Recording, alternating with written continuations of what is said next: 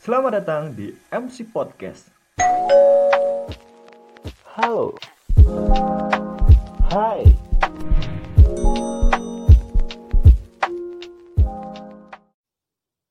Eh, dah. Lu kok bisa nge-MC di mana-mana sih? Eh, dah. Sejak kapan lu bisa nge-MC? Eh, dah. Lu kok bisa ngomong sih? ya jelas lah bisa ngomong. BTW, halo teman-teman semuanya. Selamat pagi, siang, sore, malam.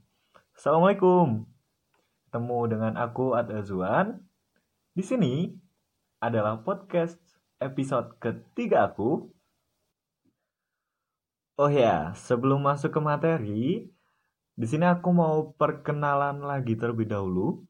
Soalnya di podcast-podcast sebelumnya mungkin ada beberapa teman-teman yang belum tahu siapa aku ya dan aku nggak jelasin di podcast sebelumnya kok berani-beraninya bikin podcast soal public speaking oke okay. sebenarnya aku adalah seorang praktisi public speaking bukan peneliti public speaking yang belajar teori-teori public speaking dari buku gitu ya Aku dapat materi soal public speaking ini dari pengalamanku saat nge-MC mulai 2014 hingga sekarang 2020. Ya kurang lebih 6 tahun gitu ya.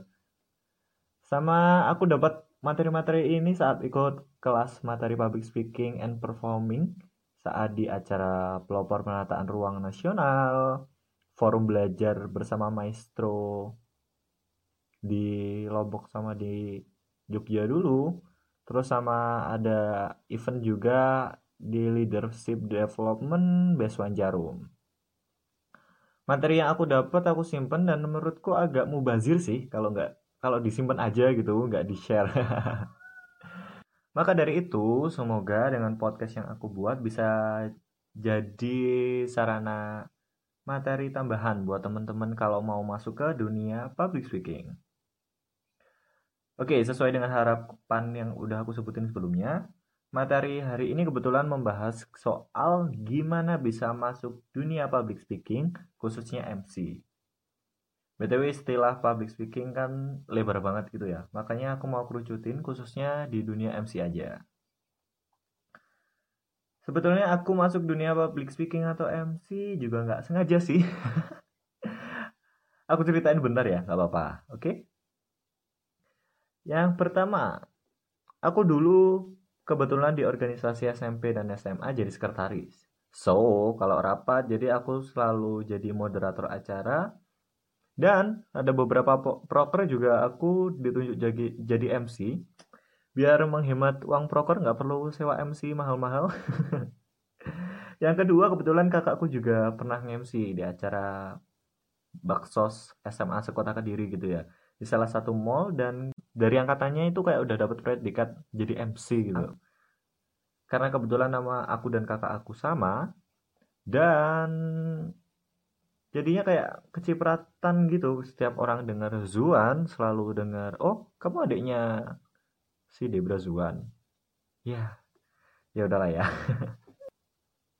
Terus beberapa temen kebetulan tanya juga kok aku bisa ya berkecimpung di dunia public speaking itu bisa kok bertahan sampai sekarang itu kenapa? Yang pertama karena kebetulan lagi, kebetulan mulu anjir. Kebetulan lagi pas kuliah itu pas gabung organisasi masih ditunjuk jadi MC pas acara proker nggak sengaja. Mulai proker bayaran nasi kotak sampai proker yang digaji pakai duit.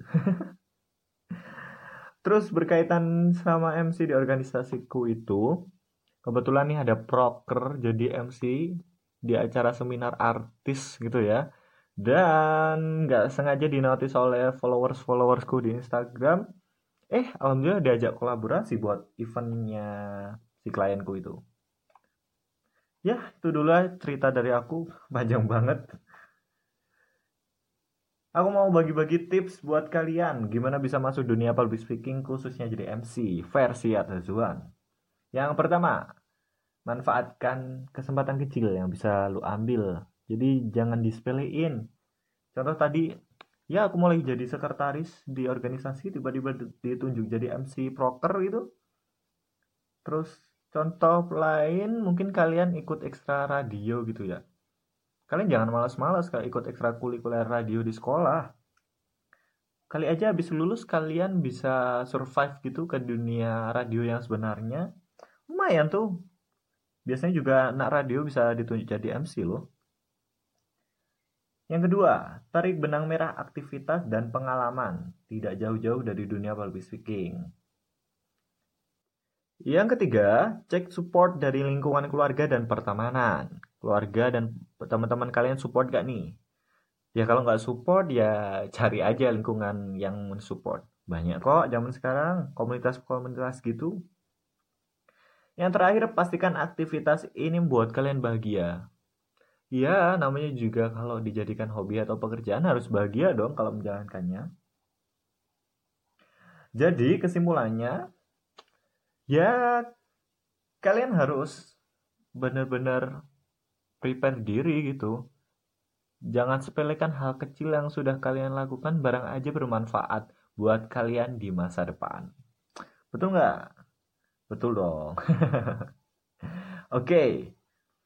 Buat kalian kalau ada pertanyaan bisa ada sharing di WA aku, WhatsAppnya, linknya di Instagram aku at adazuan atau at adazuan underscore MC.